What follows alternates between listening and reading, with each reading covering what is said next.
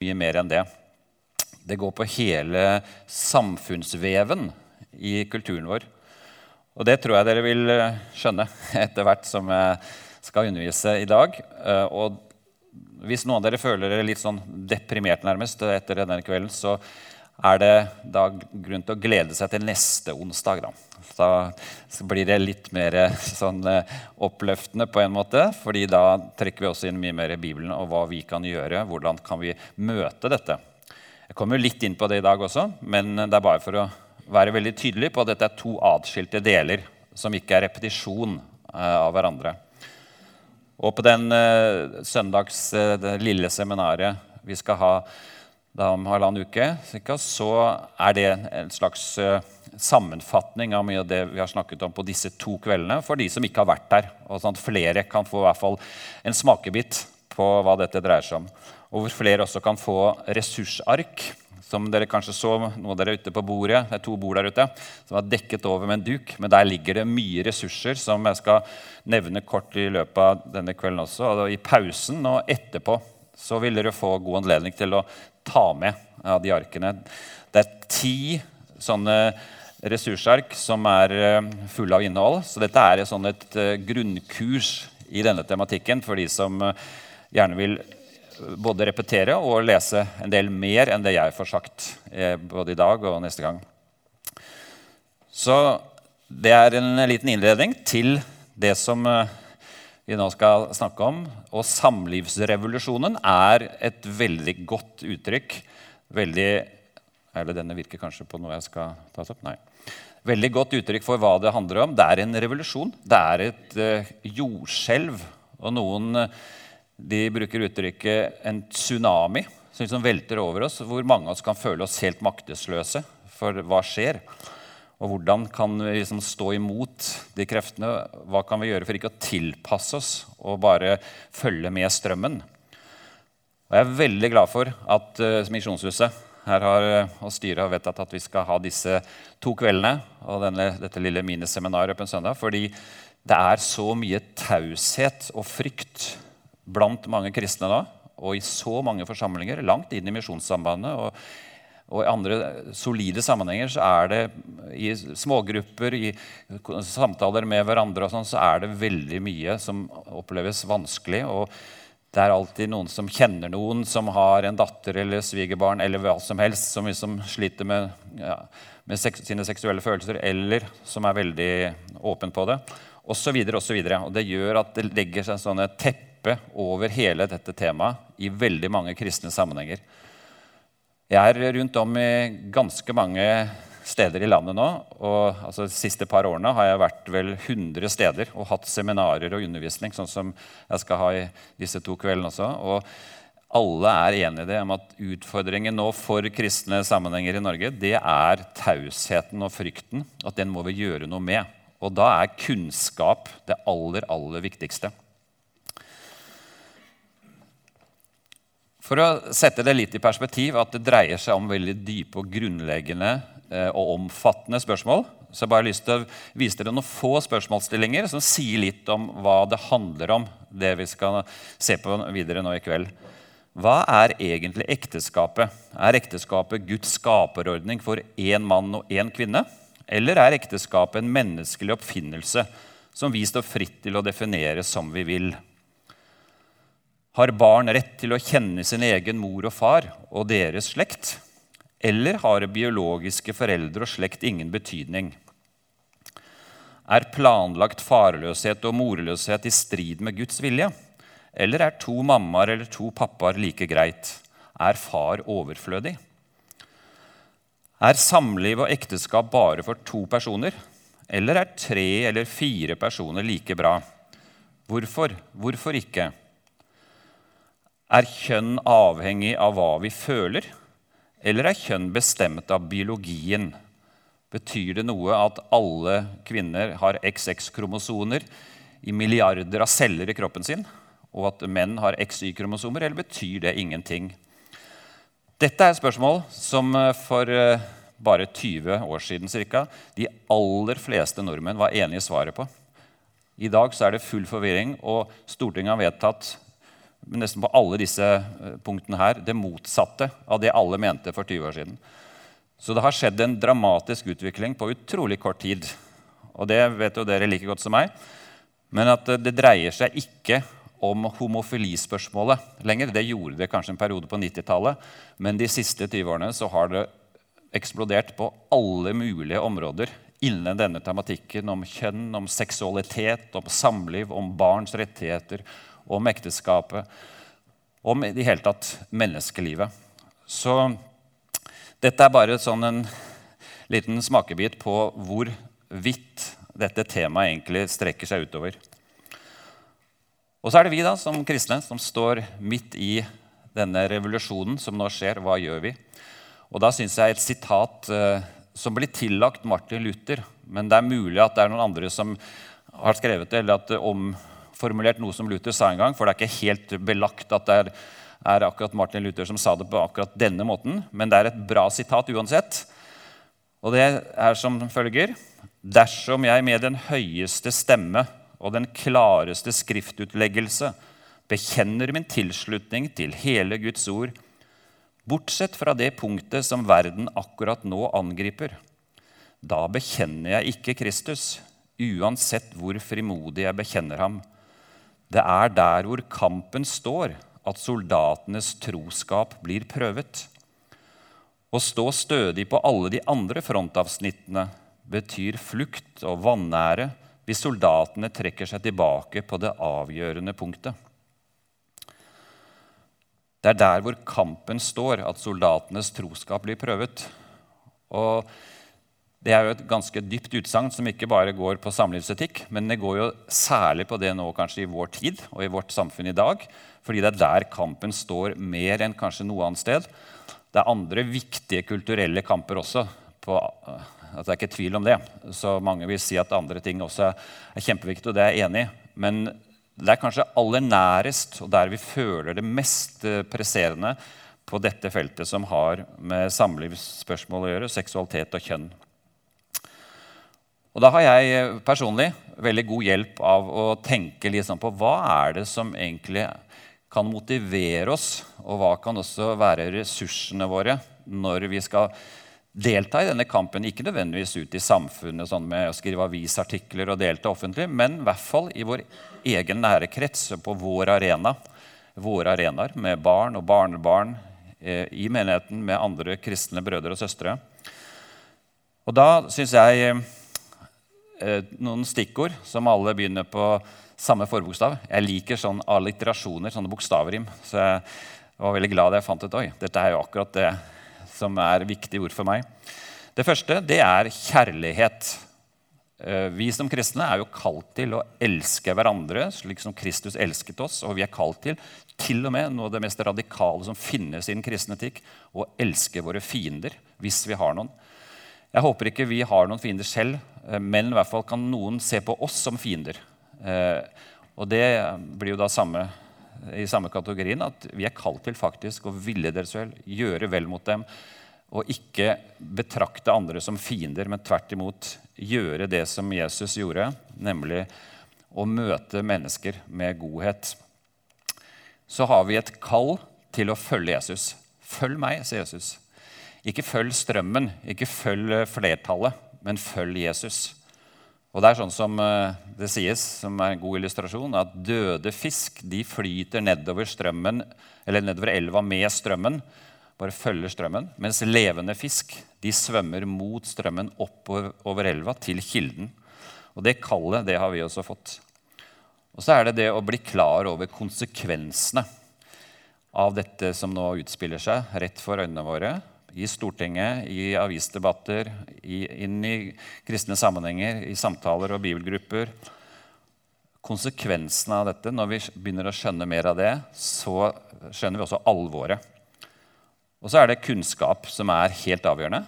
Hvis ikke vi har kunnskap om såpass både komplekse og også nære spørsmål og og sensitive spørsmål, så, så, blir vi tause hvis ikke vi har kunnskap. For da er vi så redd for å si noe galt eller for å støte noen med at vi bruker gale ord. Eller vi føler vi blir satt på plass eh, fordi vi ikke vet noe særlig om dette. Og Derfor så er kunnskap helt grunnleggende, og derfor så er det også utrolig bra at dere kom hit i kveld. og Håper dere kommer neste onsdag også, og at dere vil lese. Eh, og dette krever egeninnsats. Eh, dere får helt opplagt en del kunnskap ved å være på noen seminarer, men det krever mer også hvis man virkelig vil få det inn under huden med å lese, virkelig skolere seg selv. Og Det finnes også nå noen veldig gode og fyldige nettsider med masse norsk stoff på dette temaet, som vi skal komme tilbake til, som også jeg anbefaler på det varmeste. Og så må vi bare innse at det er en kamp vi er midt oppi. Det er en kamp om sannheten, en kamp om mennesket, om menneskelivet, om barnet, ikke minst. Barns rett til mor og far, som nå er blitt fratatt norske barn, sånn prinsipielt. Og det er en kamp om hele tematikken rundt dette med seksualitet og familie. Så dette er ikke noe sånn uh, lek med ord eller noe som bare er sånn forbigående. Nei, dette er en kulturkamp som går kort og godt ned på grunnvollen. Men så har vi den store fordelen som kristne at vi kan få del i Guds kraft når vi virkelig tar ham på ordet når vi ønsker å være lydige, gå i tro og svømme mot strømmen og gjøre det sammen også med andre. Og jeg synes Det er et veldig flott bilde det at uh, kraft på gresk, som jo Nytestamentet er skrevet på, det er dynamis. I Nytestamentet på gresk så står det at dere skal få kraft, dere skal få dynamis når Den hellige ånd kommer over dere. Dere skal være mine vitner. Og Vi har også andre ord på norsk eh, som kommer av det akkurat på dynamis, som er dynamisk. Vi har dynamitt, og vi har ordet dynamo. Og Det er et veldig interessant ord, dynamo, for det er jo noe som produserer kraft når det kommer i bevegelse. Når dynamoen eh, og sykkelen eller bilen begynner å bevege seg, så begynner dynamoen å surre og produsere kraft. Og Det samme når vi kommer i bevegelse. Når vi tar Gud på ordet, ikke bare alene, men også sammen som fellesskap sammen som familie, som ektepar, som venner, som uh, bibelgruppe. Vi, og det gjelder jo ethvert felt av kristenlivet. Når vi kommer i bevegelse for Herren, går på Hans ord, så får vi kraft underveis. Og Det er jo noe av det som våre forfulgte trossøsken i mange land også opplever. At uh, det kan være beintøft, men de får kraft underveis fordi Jesus lever i deres hjerte og gir dem stadig fornyet kraft. Og så avslutter jeg også med kjærlighet om igjen det er bare så utrolig viktig på dette, denne tematikken å hele tiden være klar over at vi skal gjenspeile, skal, skal vise Jesu kjærlighet i praksis overfor våre medmennesker. Og Det er da det er så veldig nyttig å huske på det som eh, det står om i Johannes 1, at Jesus kom med nåde og sannhet. Han var full av nåde og sannhet i Johannes 1. Og nåde Kjærlighet, respekt, vennlighet, godhet overfor andre. Samtidig sannhet. Vi kan ikke oppgi det vi tror er sant og godt og rett, og at det er Guds gode vilje. Vi kan ikke oppgi det og si at det er ikke så farlig likevel, for jeg skal være grei med deg. Men vi kan, må gå på to spor. Både nåde og sannhet. På samme måte som en fugl som flyr, har to vinger, eller et fly også. Eller eh, hvis vi ror en båt, hvis vi bare ror med ene, så går vi i ring. Eh, en togskinne, alltid, eller et tog som går på to skinner. Hvis den ene skinnen plutselig er borte, så blir det katastrofe. Og vi må gjøre det samme. Tenke både nåde og sannhet. Og så sier Paulus det veldig klart også. Dette er ganske eh, tydelige og direkte ord av Paulus, samtidig som det også er, taler rett inn i vår tid, nemlig Efeserbrevet 4, 14 og 15. Vi skal ikke lenger være umyndige småbarn. Ikke la oss kaste hit og dit og drive omkring ved hvert eneste vindpust av ny lære, så vi blir et bytte for menneskers falske spill og listige, forførende knep. Men vi skal være tro mot sannheten i kjærlighet, og i ett og alt vokse opp til Ham som er hodet, Kristus. Dette er eh, klare ord og litt sterke ord, vil mange si. Men jeg syns de er ganske dekkende faktisk for det vi opplever. Mye manipulering, mange hersketeknikker, mye maktspråk. Mange halvsannheter som blir servert. Og det er eh, listige og forførende knep som brukes mye, uten at det nødvendigvis er ment som noe noe negativt, men det er bare folk er så overbevist om at dette er jo så godt og dette er jo så rett og sant. Og så vet de kanskje ikke selv at de er forført engang. Så her er det utrolig mye eh, som angår oss ut fra de to, en, eh, to, versene her. Og det som da står i, i rødt, som egentlig går ut på det samme som jeg nevnte med at Jesus er full av nåde og sannhet. Så er det altså å være tro mot sannheten i kjærlighet. Kjærlighet og sannhet, nåde og sannhet. Å vokse opp til ham som er hodet. Det er der vi hører hjemme. På den kroppen ikke på eh, et eller annet eh, legeme. Nei, det er Jesu kropp vi tilhører og er en del av. Hvis vi går nå eh, litt tilbake for å se på hva som har skjedd i Norge de siste årtiene, så kan vi gå tilbake på en tidslinje.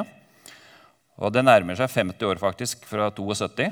De fleste av oss levde i 72 og husker sikkert også Eh, jeg selv gikk på gymnaset da, og kanskje noen andre gjorde det også, eller var ferdig til og med. og noen av dere skulle kanskje begynne etter hvert.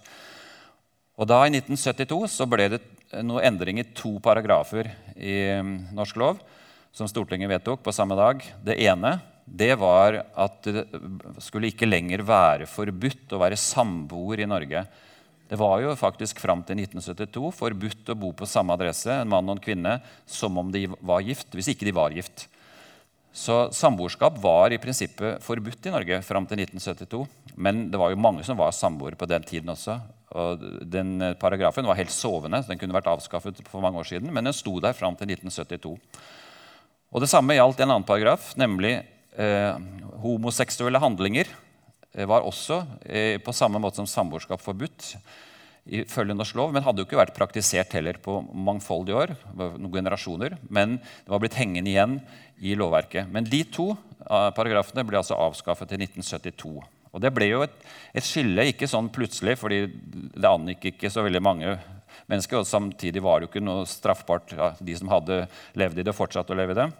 Men det ble en holdningsendring som etter hvert fikk eh, store konsekvenser. Både for samliv, ekteskap, familietenkningen, og samboerskap nå ble som helt normalisert. Og det også at uh, seksuelle forhold mellom to av samme kjønn nå som har fått samfunnets godkjenning. Og Da fikk vi i 1993 partnerskapsloven for par av samme kjønn. Det ble innført. Og Denne loven var nesten identisk med ekteskapsloven. Hovedforskjellen var at staten hjalp ikke likekjønnede par å få barn. Partnerskapsloven var en lov for voksne. Eh, den inneholdt ikke noe, og det ga ikke noe rettighet til å adoptere barn fra utlandet eller norske barn hvis du var av samme kjønn. Og staten hjalp ikke likekjønnede kvinnelige par til å få barn eh, med kunstig befruktning og den slags. Så det var en lov for voksne, men samtidig så var den veldig lik ekteskapsloven. Alle rettigheter, alle plikter, eh, var nøyaktig de samme som i ekteskapsloven. Og så var det noen som syntes at det var diskriminerende at ikke likekjønnede par skulle ha lov til å få barn, og at ikke de skulle få kalle seg ektepar, de også. Så da i 2008, så etter en del diskusjoner både i media og rundt omkring, så ble altså den kjønnsnøytrale ekteskapsloven vedtatt. To av samme kjønn kan gifte seg. Hele ekteskapsforståelsen altså, og definisjonen ble endret i sine grunnvoller. Hvor ikke lenger var biologisk forankret at det er mann og kvinne som kan få barn sammen. Det er det som er den naturlige familien. Nei, nå ble altså denne nye ekteskapsforståelsen innført, og hvor en, et av premissene, som var noe hensikten med loven, det var at også likekjønnede par skulle ha rett til å få barn. Barn ble en rettighet. I 2016, det er fire år siden nå, så fikk vi lov om endring av juridisk kjønn. Og Det er en lov som mange fortsatt ikke er klar over eksisterer, nesten, og i hvert fall ikke hva den innebærer. Men det, vi kommer tilbake også til noen bilder om det etter hvert. hvordan Norge da introduserte som et av noen få land i verden hittil, selv om det blir noen flere etter hvert, en mulighet til å skifte kjønn for enhver norsk borger. Også skifte kjønn i anførselstegn. For hvis jeg ønsker å bli kvinne, så blir jeg jo aldri ordentlig kvinne. For jeg har XY-kromosomer i alle, cellen, alle kroppens celler. Og jeg har mine kjønnsorganer, og jeg kan operere bort kjønnsorganene, som en del gjør, men jeg blir jo ikke kvinne egentlig av den grunn. Men altså, jeg kan bli juridisk kvinne, som denne loven handler om. Og da er staten forpliktet til, og alle andre er forpliktet til å behandle meg som kvinne. Hvis jeg har signert et papir og sier at fra nå av ønsker jeg å være kvinne. Da får man nytt pass og nytt eh, personnummer. Og man eh, kan skifte kjønn så ofte man vil. Så vi kommer tilbake litt til hvordan denne loven fungerer. Og så, i 2017, så skjedde det at Den norske kirke omdefinerte ekteskapet og innførte kirkelig bryllup for to av samme kjønn. Den prosessen og forskjellige ting med det både kirkelige og det bibelske sånn, det skal vi da, som jeg har nevnt, komme tilbake til eh, neste onsdag. Så Jeg skal ikke si så mye om det akkurat nå, men det er, det er mye å si om det. egentlig. Jeg selv var jo med i Kirkemøtet i sju år og lot meg velge inn i bispedømmerådet her i Agder og Telemark for å være med og kjempe den kampen i Den norske kirke fra innsiden. Eh, men det gikk jo ikke til slutt allikevel. Men det var eh, veldig dramatisk at eh, kirken og biskoper som før, bare noen få år tidligere, hadde stått klart på at ekteskapet er for mann og kvinne.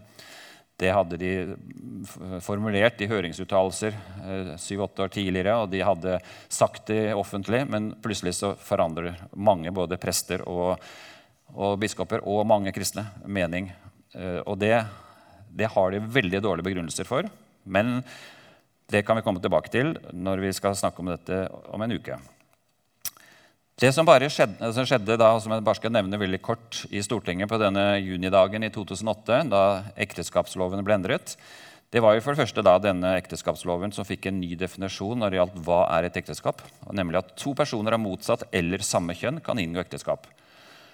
Men så fulgte det med i denne pakken med fem lover som ble endret samme dag, og som hørte sammen i departementets presentasjon av dette i Stortinget. Så de ble alle stemt over på samme dag som en, lov, en reformpakke. Det første var jo bioteknologiloven. To kvinner i parforhold får statens hjelp til å føde barn ved assistert befruktning med sæd fra en donor. Og denne kvinnen som ikke føder, hun kan hvis hun vil, underskrive på et dokument som sier at hun ønsker å bli medmor. Overta fars rolle og være eh, omsorgsperson og den næreste pårørende for det barnet for all framtid sammen med moren. Og inntar da fars plikt, tar på seg fars plikter og rettigheter for resten av livet. Og det barnet er denne medmorens livsarving. Og denne, dette barnet kan i prinsippet arve slektsgården hvis denne medmoren er odelsjente. Selv om hun ikke er i biologisk slekt med det barnet. Og Her er det jo mye advokatføde etter hvert, for det kommer til å bli en god del konflikter etter hvert. Det er allerede begynt å komme eh, kvinner som ønsker å frasi seg medmorskapet. I Danmark pågår det en rettssak om akkurat det samme. For den medmoren ønsker ikke å ha denne, dette barnet som arving. Eh, for de er skilt for lenge siden med de to kvinnene osv. Men eh, Foreløpig er det ikke noe resultat på det, men det kommer nok snart i Norge også. Og så sier de da i barneloven, det ble endret samme dagen, et barn kan ikke ha både en far og en medmor. Det vil si et barn med medmor har ingen far og ingen farslekt i statens øyne. Det er jo en løgn, for alle barn har en far og en farslekt. Men en del barn i Norge mister det og har ikke noen, noen farmor eller farfar eller onkler og tanter og fettere og kusiner på farssiden. For det har staten bestemt at det trenger ikke alle barn. De kan få en medmor i stedet. Og så har du adopsjonsloven som ble endret samme dagen. To menn eller to kvinner kan adoptere utenlandske og norske barn på lik linje med mann og kvinne. Og så ble partnerskapsloven avskaffet. Dette er skal si, vendepunktet på mange måter for det som har skjedd eh, nå også i ettertid, ved at staten og Stortinget vedtok disse veldig grunnleggende endringene i måten å tenke både ekteskap på og barns rettigheter. Så det er jo mange usannheter etter mine begreper som handler om kjønn. Kjønn betyr ingenting. Mann og kvinne, mor og far. Det spiller ingen rolle verken for paret eller for barnet eller for samfunnet. Kjønn er avskaffet som viktig kategori. Og alt som har med barn å gjøre, er jo blitt fundamentalt endret med disse lovene som ble vedtatt da. Og hele samfunnets forståelse og undervisning i skoler og barnehager overalt i kulturen går nå ut på at kjønn er likegyldig, det er irrelevant, og at barn selvfølgelig ikke har rett på sine biologiske foreldre. For en annen omsorgsperson er jo like bra. Og dette er klart, Det gjør jo noe med hele kulturen, og det ser vi jo nå klarere og klarere. Det som ligger eh, da både i forutsetningene her for at dette ble vedtatt, men også som har utviklet seg videre, for dette var liksom demningen som brast. Her ble det åpnet et ett eller flere hull i demningen, og så er de hullene blitt stadig større, og det er stadig mer vann som flyter ut. Og eh, alt sammen, eller Veldig mye av det som nå skjer, det er jo bygget på det som skjedde da i 2008. For det var liksom fundamentet for alle de nye endringene. Og jeg personlig tenker sånn at uh, når det gjelder kristne sammenhenger, kristne menigheter og oss som kristne mennesker, så er det fundamentalt viktig å holde fast på at ekteskapet er for mann og kvinne. For én mann og én kvinne det er definisjonen hos Jesus, hos Paulus, hele Nyttestamentet og i skapelsesberetningen. Én mann og én kvinne. Det kommer vi tilbake til også neste gang. Og hvis vi oppgir det, hvis vi sier at det er ikke så farlig Ekteskapet kan jo være også for to av samme kjønn, eller tre av samme kjønn, for den skyld, hvis vi sier det at ekteskapet ikke nødvendigvis bare er for mann og kvinne, så har vi tapt. For da er alt det som kommer etterpå, det er bare variasjoner over samme tema. At kjønn betyr ingenting. Barn har ikke rett på sine biologiske foreldre. Det er mange ting som da kommer i bevegelse når vi oppgir at ekteskapet er for mann og kvinne. Så det jeg håper at Misjonssambandet og alle solide bibeltroende kristne sammenhenger vil si, det er at ekteskapet som en institusjon for én mann og én kvinne, innstiftet av Gud, bekreftet av Jesus Kristus og apostlene, det står fast hos oss. Det er ikke noe diskusjonstema for oss. På samme måte som det står fast at Jesus er vår frelse, han er verdens frelser. Han døde på korset for vår skyld, i vårt sted osv. Det er ikke diskusjonstema i Misjonssambandet. Eh, og på samme måte så håper jeg at det kommer også i skriftlig form etter hvert, både i og i alle mulige andre sammenhenger, at ekteskapet per definisjon er for mann og kvinne, og det står vi på, på lik linje med andre grunnleggende trossannheter. Hvis ikke man står på det, så vil man gå den samme veien som Den norske kirke. Er min, eh, si, det er ikke noe profeti, men det er min overbevisning om at da, da, skjer det. fordi da oppgir du det aller viktigste, og som er lettest å forsvare, nemlig ekteskapet mellom en mann og en kvinne. Det er ikke nødvendig å være enig med meg i dette, men eh, det er sånn jeg i hvert fall tenker. Og det er en veldig pedagogisk og enkel måte å tenke på hva kan vi gjøre. Og da er det første skrittet det er bare å være dypt overbevist om at ekteskapsteologien er så viktig at den må vi stå fast på. Uansett om det er uenighet med andre ting, så må vi stå fast der. For da har du hjørnesteinen på plass. Det som har skjedd eh, videre nå i mange sammenhenger, det er jo at vi ser eksempler på den radikale kjønnsideologien, eller det som mange vil kalle kanskje pride-ideologien. Det som eh, Foreningen FRI og mer og mer også Stortinget og departementer og sånn, mener er det beste, og så en ideologi som er framtidsrettet.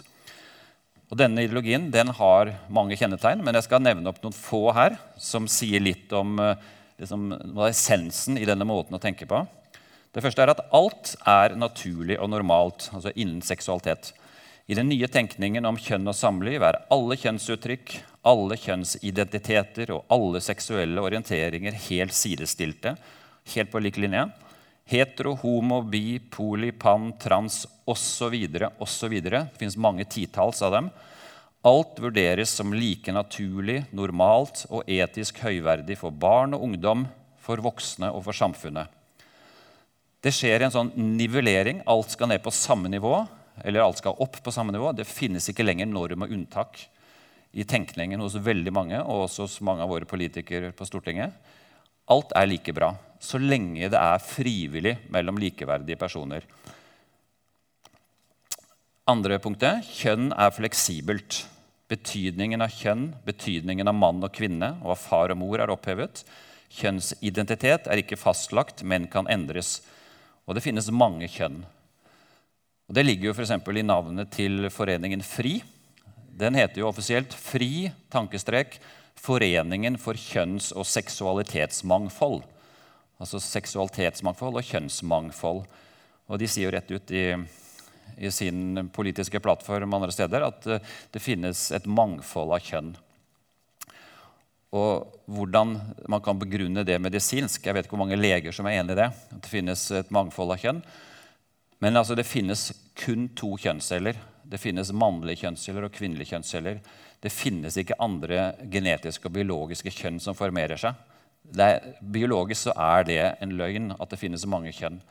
Men at folk kan føle at de er noe annet enn mann og kvinne, de er blitt forvirret på en eller annen måte, det, det er så. Men at det da skal bli liksom, offisiell politikk, og at vi skal godta at jo, det finnes mange kjønn, det er jo det som uh, Paulus snakket om. Listige, forførende knep. Uh, og retorikk og manipulering med språket.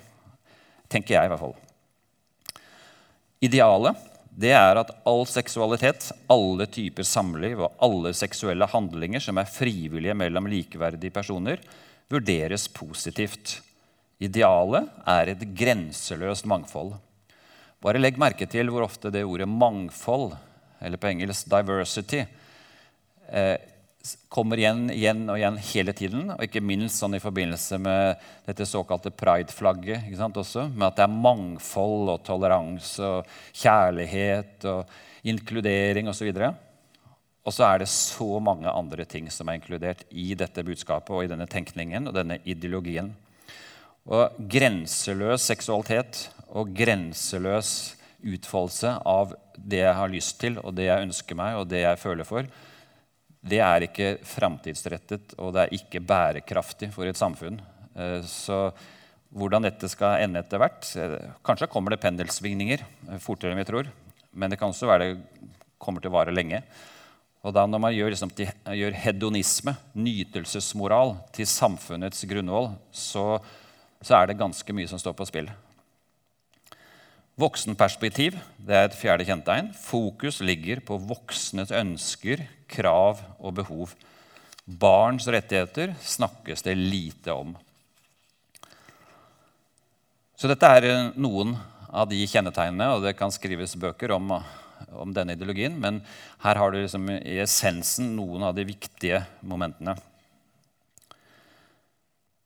Når det gjelder eh, Foreningen FRI, som jo er den eh, den mest synlige og mest aktive eksponenten for disse både tankene, disse nye måtene å tenke familie, og kjønn og seksualitet på, så, så, er det interessant å se at de har jo endret seg veldig i løpet av de siste årene.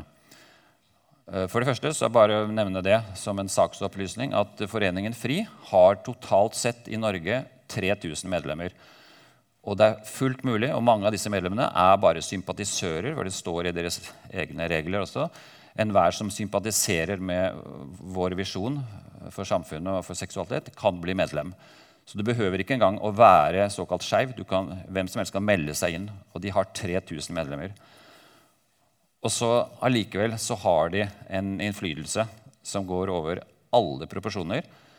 Fordi de også har hele tidsånd med seg. De har mange forskjellige grupper som jobber i samme retning, uten at de nødvendigvis eh, er medlem av Foreningen FRI. Og eh, det som er også litt interessant, men som er eh, ikke, ikke, innsett både tror jeg, av mange politikere og av andre, det er jo at denne foreningen med 3000 medlemmer den representerer kun ca. 5% eller under 5% av de som kaller seg skeive i Norge. Eh, så det sier jo at 95% i hvert fall, er ikke medlemmer av Foreningen FRI. Enda de selv defineres som lesbiske, homofile, transseksuelle eller andre, eh, andre, grupperinger. Men de vil ikke være medlem i den foreningen. Derfor har de ikke meldt seg inn. Og så ba, bare 5% eller mindre eh, representerer egentlig Foreningen FRI, men allikevel blir de framstilt eh, av alt fra statsminister til andre som om det er de som liksom taler saken til alle de som eh, forstår seg selv som skeive. Men det er faktisk ikke sant. Og Det er veldig interessant og det er oppmuntrende og litt sånn oppløftende at for en måneds tid siden så eller, ja, da, Offisielt så startet de nok uh, på slutten av fjoråret, men de kom ikke i gang skikkelig før nå nylig. Og det er at Noen som selv definerer seg som homofile, de har startet en ny forening nå som heter LLH 2019. Hvis du går inn på llh2019.no, så vil du se deres nettside. Og De vil motarbeide Foreningen FRI, for de mener at Foreningen FRI står for så mye destruktivt, ikke minst når det gjelder barn og når det gjelder transtematikk. At uh, folk kan skifte kjønn, og at uh, kvinner med penis er, er, ekte kvinner. Altså juridiske menn, nei, juridiske kvinner som er altså personer i mannskropp som ønsker å være kvinne. Og så har de da liksom lov til å gjøre alt mulig som kvinne, enda de er menn egentlig. Men det, er, det har de rett til ifølge norske lovene. Og sånne ting som Foreningen FRI har frontet og fortsatt gjør, og om at ungdom bør få tilgang til uh, hormonbehandling og pubertetsblokkere osv. Uh, det er sånne ting som denne nye foreningen er sterkt imot, og som de skal prøve å motarbeide Foreningen FRI. Så det blir veldig interessant. Det er nye allianser som kan oppstå etter hvert også på det feltet. fordi det er ikke sånn at alle som kaller seg homofile eller lesbiske eller transpersoner, at de er enige. Det er masse uenighet innad nå. Og det kommer tydeligere opp til overflaten, og det er veldig positivt.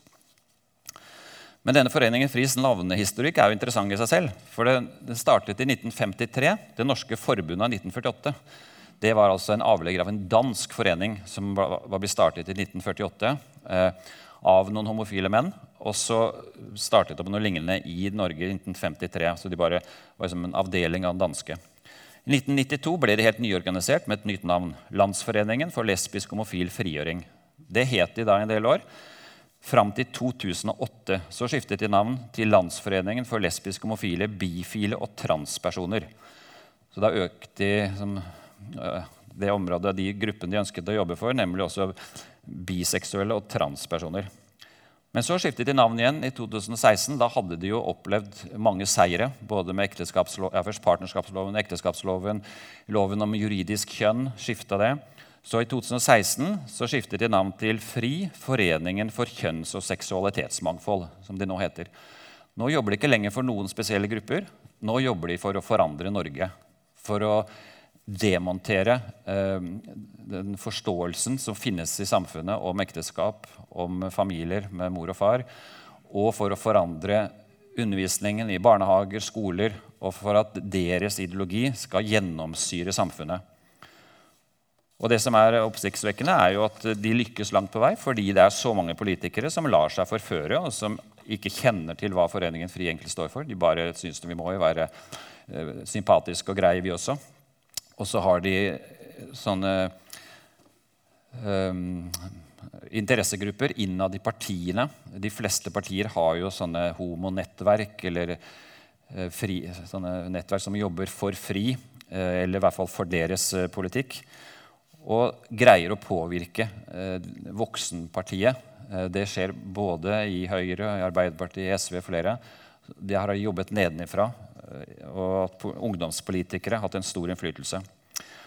Og I en rapport som kom i fjor fra sånn, et nett, europeisk nettverk for homofile organisasjoner, så blir Norge fremhevet som et av forbildene for hvordan man kan jobbe politisk ved at man bruker ungdomspartiene som brekkstang for å nå fram opp i nasjonalforsamlingen. Og det har uh, skjedd i Norge. Foreningen Fris budskap Eh, den er jo helt i tråd med det jeg sa for to-tre bilder siden om denne radikale kjønnsideologien. Det er ja til alt. Budskapet fra Foreningen FRI og Pride-paradene er et ja til grenseløs seksualitet så lenge den er frivillig mellom likeverdige personer over 16 år. Altså de forkaster selvfølgelig at man skal utnytte barn eller psykisk utviklingshemmede, men det er likeverdige personer over 16, det er en seksuelle lavalder, så er budskapet bl.a. følgende ja til alle typer seksuelle handlinger og relasjoner, utprøving og praksis. Ja til mange kjønn og til flere titalls kjønnsidentiteter og kjønnsuttrykk. Ja til sex og samliv mellom flere enn to personer. Ja til surrogati. Ja til planlagt farløshet og morløshet. Ja til oppløsning av biologiens betydning for familier og slekt, barn og samfunn.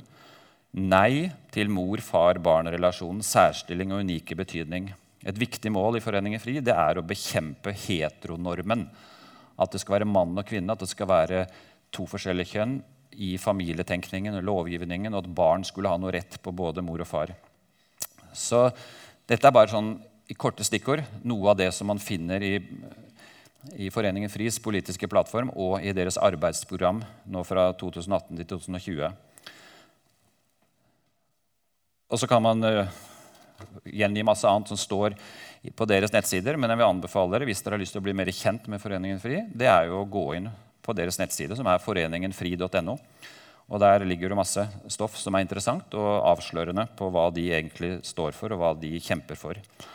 Og de mener f.eks. også at alle trossamfunn som ikke er enige om at uh, ekteskapet er uh, også for to av samme kjønn, de bør miste statsstøtten. Uh, så de har også en del sånne kampsaker hvor de ønsker å bli dominerende med deres ideologi. Så kjenner sikkert en del av dere til det uttrykket 'rosa kompetanse'. Og det er jo et sånt kurs for ulike yrkesgrupper og ulike segmenter i befolkningen. Eh, som dere ser her i det gule, det gule, feltet så står det noe jeg har skrevet. Det andre det er kopi bare fra Foreningen Fris nettsider. Men den gule teksten her har jeg skrevet. Gjennom kursene kalt Rosa kompetanse når Foreningen FRI inn med budskapet sitt om kjønns- og seksualitetsmangfold på mange ulike samfunnsarenaer, inkludert skoler og barnehager. Og alle kurs blir finansiert av staten. Så hvis vi leser det lille, vet ikke om dere greier å se det nede i høyre hjørne der, men jeg leser det. Det er altså noe som eh, Foreningen FRI sier da om disse kursene. Rosa kompetanse er et kompetansemiljø som tilbyr faglig bistand og undervisning om kjønns- og seksualitetsmangfold til helsevesenet, barnevernet, skolesektoren, barnehagen, politi og påtalemyndighet samt til bedrifter. Vi er organisert som en fagavdeling i FRI og er finansiert av henholdsvis Helsedirektoratet, Bufdir, Utdanningsdirektoratet og Politidirektoratet. Så Foreningen FRI kan holde så mange kurs de vil, og så bare sender de regningen til departementet eller direktoratet eh, i forhold til hvilken gruppe de har undervist.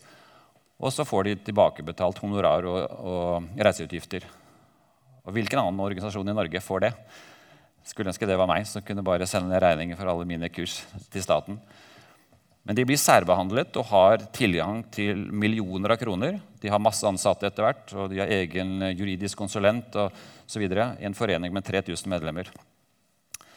Så her er det en eh, særbehandling som er helt unik egentlig i forhold til eh, de aller, aller fleste andre eh, foreninger eller private interesseorganisasjoner som eksisterer i Norge. Et eksempel på hva de lærer til, ja, til lærere i barneskolen og i barnehagen og lignende, men jeg har tatt noe fra et, et lærerhefte som er gitt ut for eh, lærere som underviser i 5. til 7. klasse. Og i samfunnsfag der så, så står det sitater da, som har gitt fra lærerveiledningen. Dette er altså direkte at jeg bare skrevet av eller kopiert det som står i det heftet. Dette er da til læreren. Ha en kort innledning om kjønns- og seksualitetsmangfold. Altså til elevene. Oppmuntre elevene til at når de skal svare på spørsmål, kan de skrive 'de fleste jenter' eller 'de fleste gutter' for å unngå at elevene fremstiller svarene som at alle gutter f.eks. har penis. Bevisstgjør elevene på at kropp og kjønn er to forskjellige ting. Fortell gjerne elevene at ikke alle, er, gutt, alle er jenter eller gutter, og at setningen 'gutter, jenter og andre kjønn' gjerne kan brukes. Så dette er sånn som lærerne skal venne seg til, at de må snakke til elevene på den måten. Og så står det eksempler på noen spørsmål de kan stille i plenum etter at de har hatt noen gruppesamtaler i smågrupper blant elevene. Og da er dette, er også bare direkte sitat. Det som står i parentes, er også fra dette heftet. Har alle gutter penis? Her er korrekt svar nei. Har alle jenter klitoris? Her er korrekt svar nei. Kjenner alle seg som gutter eller jenter? Korrekt svar nei. Hvem kan man bli forelsket i? Gutter, jenter og andre. Så dette er det som eh, Foreningen FRI ønsker at norske lærere skal eh, ha i bevisstheten, og denne type holdning og språkbruk når de eh, snakker om sånne ting i undervisningen. Og det er jo i tråd med det som ligger i navnet til foreningen. Kjønnsmangfold. Det finnes ikke bare gutter og jenter, det finnes jo mange kjønn. Og da må vi inkludere det i språket, eh, sier de. Og det samme seksualitetsmangfold. Og det at ikke alle jenter har klitoris, er jo fordi noen eh, har skiftet juridisk kjønn. Fordi man kan jo skifte juridisk kjønn ned til seksårsalderen i Norge.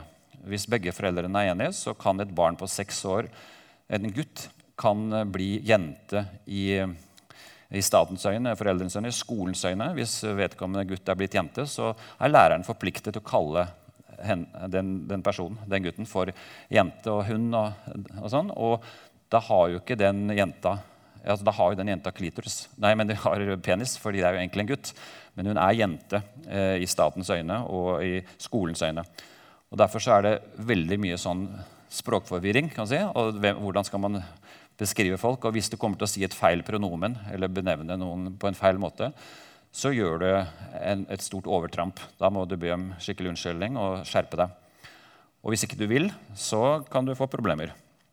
Og det kommer vi tilbake til når det gjelder eh, det som nå skjer også med revidering, revisjon av straffeloven, som nå har vært i utarbeidelse og utredning i departementet, og som nå det skal være høring på Stortinget om uh, to uker. Ja, 17.9. skal det være høring. Og da er det sånn at hvis eh, noen da krenker noen, hvis de sier noe som uh, kan uh, til, ring, vise ringeakt for en person, eller du kan diskriminere noen ved ikke å bruke de riktige ordene osv., så, så kan det føre til alvorlig straff eh, hvis denne loven nå går gjennom. Men eh, det kommer an på også selvfølgelig hvilken type rettspraksis eh, de forskjellige domstolene i Norge legger seg på. Men i hvert fall, her er det mye både spennende og skremmende som er under oppseiling. Og etter pausen skal vi snakke litt mer om det. Vi holder på nå i noen få minutter til før vi tar en liten pause. Og da har jeg lyst til bare å si litt om også det at uh, det er jo ikke Foreningen FRI alene som er årsak til at uh, vi er kommet dit vi er i Norge. De har vært en viktig aktør, men de har jo fått masse drahjelp og masse sympati og mange eh, privilegier fra politikerne. Og SV, da de hadde familieministeren og uh, direktoratet, Bufdir, Barne-, ungdoms- og familiedirektoratet, så fikk uh, Lysbakken gjennom at det skulle opprettes et LHBT-senter under Bufdir, under Barne-, ungdoms- og familiedirektoratet. Og det ble opprettet uh, da i 2011. Og det direktoratet det er noe som har det er kontor som har tre heltidsansatte. I hvert fall var det det sist gang jeg var inne på nettet for et års tid siden og sjekka der. Som jobber veldig mye på samme måte som Foreningen FRI. LHBT-senteret er en avdeling i denne Bufdir, opprettet i 2011. Senteret ønsker å være en pådriver for LHBTIQ-perspektivet, altså lesbisk, homofile, bifile, trans, intersex og queer. Og det vil si skeiv på engelsk. Altså De vil være pådriver for dette perspektivet i utvikling av ny politikk. Så de er en sam viktig samarbeidspartner for uh, Foreningen FRI og er eh, en åpen dør inn i det politiske miljøet, dette senteret som ligger under Bufdir. Og Visjonen er et samfunn med full aksept, respekt og åpenhet, uavhengig av seksuell orientering, kjønnsidentitet, kjønnsuttrykk eller kjønnskarakteristika. Det er fri flyt, sånn som Foreningen FRI. Og Det er også en del av det norske byråkratiet som jobber for dette. I, i samarbeid med Foreningen FRI og andre som har samme, samme visjon og målsetting. LHBT-senteret arbeider i nær kontakt med ulike offentlige organer, med Foreningen FRI og med andre organisasjoner. LHBT-senteret har en innholdsrik nettside. Ja, Det står der med gult, er ikke så lett å se, men lhbt.no. Det er altså den vanlige forkortelsen LHBT, lesbiske, homofile, bifile og transpersoner. Det, den forkortelsen .no. Da kommer du til nettsidene til dette LHBT-senteret. Og Senteret deler årlig ut ca. 11 millioner kroner i støtte til en rekke, rekke prosjekter i ulike organisasjoner som ønsker å fremme LHBT-politikk i Norge. Så dette sier litt om uh, hvor uh, dypt inn i både departementer og i byråkratiet dette går her i Norge nå. Og det har altså gjort allerede i ni år har dette senteret eksistert. Og, men de lever jo veldig anonymt. De ønsker nok ikke å profilere seg for mye. Fordi mange ville reagert ganske kraftig hvis de visste at staten er med på å spytte inn i millioner av kroner for å støtte disse aktørene, Foreningen FRI og andre, eh, sånn under radaren. De fleste får jo aldri høre om hvor mye de får i støtte. Jeg har lyst bare å si før pausen nå, en kort gjennomgang av dette med loven som kom da i 2016 om endring av juridisk kjønn. Denne loven den gjelder alle. Den gjelder deg og meg og alle nordmenn. Vi kan etter at den loven ble innført, sende inn en egenmelding til folkeregisteret og si at vi ønsker, jeg ønsker å skifte kjønn. Jeg ønsker å bli kvinne. Og det kan jeg gjøre så ofte jeg vil fra jeg er 16 år gammel. Eh, jeg kan gjøre det fordi jeg har lyst, eller fordi jeg har fordeler av det. Jeg har for snakket med en som eh, var en jente som hadde litt for dårlige karakterer for å komme inn på sykepleie, men hvis hun var gutt, så ville hun kommet inn. Fordi det er sånn kvotering av gutter. Og på andre studier er det motsatt. At det er lettere for jenter å komme inn på sånne guttefag og sånn. Så hun vurderte kanskje jeg skulle skifte kjønn. Så kan, om et år kan jeg bare skifte tilbake. For da vil jeg komme inn på studiet jeg ønsker meg. Eh, så det er bare et, en type misbruk. Eh, men det finnes jo mange andre typer som er mye verre. Det er f.eks. det som eh, jo skjer ved at menn definerer seg som juridiske kvinner og får nytt personnummer, de får nytt pass, og alle skal nå er forpliktet til å behandle dem som kvinner. Eh, og de har da krav på egentlig også å få lov å komme i kvinnefengsel hvis de gjør noe straffbart. Og det er det eksempler på. For et par år siden I England var det jo en mann som var blitt juridisk kvinne, som eh, krevde å få sitte i kvinnefengsel, og det fikk han. Men etter tre måneder så ble han flyttet til et mannsfengsel fordi han hadde begått seksuelle overgrep mot fem medfanger. Og lignende kommer helt sikkert også opp eh, i andre sammenhenger og andre land etter hvert som dette blir mer vanlig i flere land. Og i idrett er det også veldig alvorlig. Nå fordi eh, juridiske kvinner, som altså er kvinner i mannskropp, de er jo sterkere. Og selv om de tar noen medisiner mot testosteronnivå, og sånn slags, så, så, vil de ha større muskelmasse, være sterkere uansett. Og nå har de to år på rad eh, verdensmesteren i innesykling for kvinner. Det er en juridisk kvinne med mannskropp. Altså en mann som eh, ble juridisk kvinne for noen år siden, og som har vunnet verdensmesterskapet blant kvinner. Og som jo møter mange protester. Eh, og de som da ikke kommer opp eh, av de som fikk andre- og tredjeplass, som er ekte kvinner, protesterer. Men foreløpig så, så, er man da transfob hvis ikke man godtar dette. Og det som er veldig spesielt, og som ikke er sånn som dere sikkert har hørt så mye om, det er jo at bl.a. disse som nå starter denne nye foreningen, de gjør det jo som jeg sa, pga. det er undertrykkende for kvinner. Og De tenker ikke minst da på kvinner som selv definerer seg som lesbiske. For nå er det krav i en del homofile miljøer at en lesbisk kvinne som er ekte kvinne, hun må jo være åpen for å bli kjæreste med en juridisk kvinne med penis. Altså en mann, men som er blitt juridisk kvinne. Hvis ikke så er jo den lesbiske kvinnen transfobisk. Og dette er sånn et så alvorlig spørsmål for mange kvinner. De føler, det er mange lesbiske kvinner som nå føler at de mister de rettighetene og de, de seirene de har vunnet, for nå er det menn som vil overta.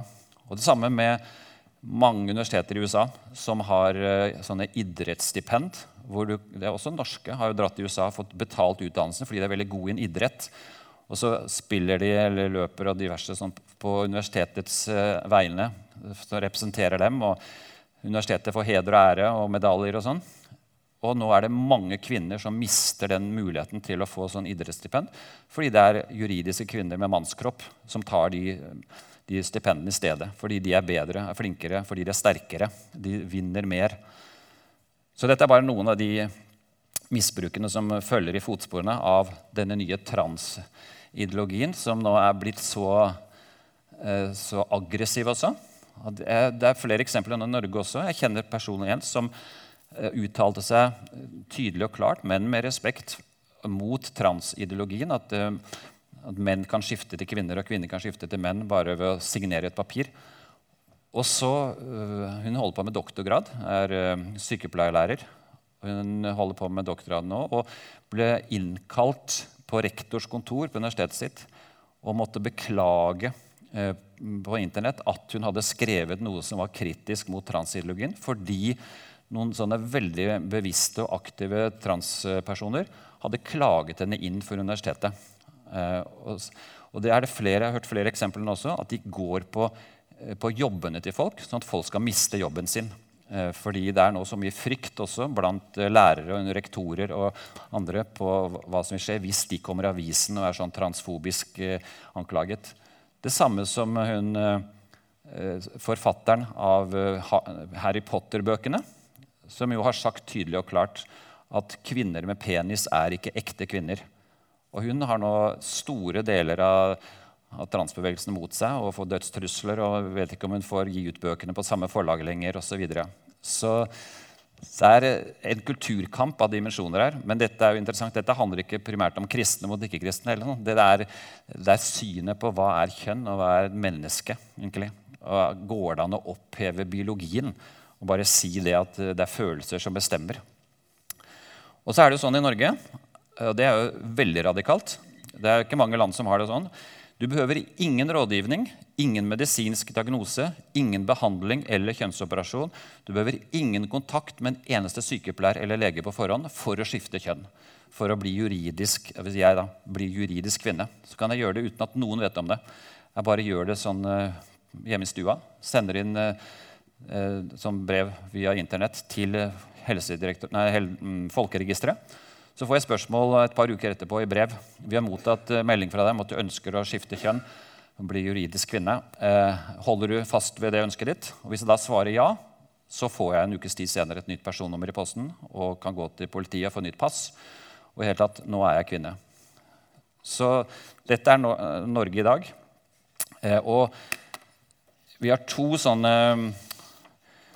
ressursark som dere kanskje har lyst til å ta med dere som handler om dette, som ligger på bordet ute. Nå skal vi ta pause om et minutt. Det ene det heter 'Vidunderlige nye Norge', der menn føder barn.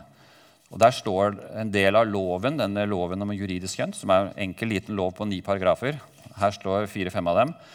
Og litt omkring hva dette vil føre til. Dette var sånn uh, helsides annonser vi hadde fra morfarbarn i noen aviser et par uker før loven ble innført. Og bare noen dager før så satte vi inn den vi visste at det var for seint, men vi ville heve røsten og protestere. og Vi sendte det til alle på Stortinget. Kjønnskaos i Stortinget, en protest. Hvor vi altså opp, fører opp her ni forskjellige punkter på hvorfor dette er så eh, forhastet og så lite gjennomtenkt. Og hvor det skjedde akkurat det samme som eh, ved innføringen av ny ekteskapslov. Det var ingen stortingsmelding, ingen konsekvensanalyser, ingen offentlig utredning. Ved denne her eh, endringa av juridisk så var det Bent Høie som var pådriver. For han syntes dette var veldig flott. Og så fikk han med seg alle partiene, bortsett fra Kristelig Folkeparti og Senterpartiet.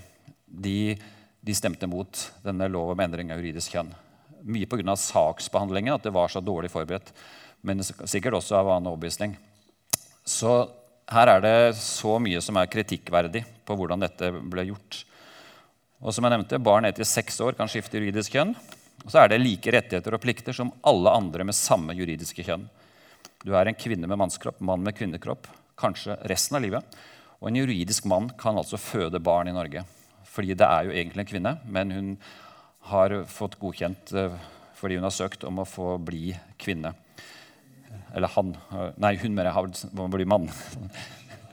Nettopp. Her er det lett å gå seg vill. men eh, en kvinne som er blitt mann.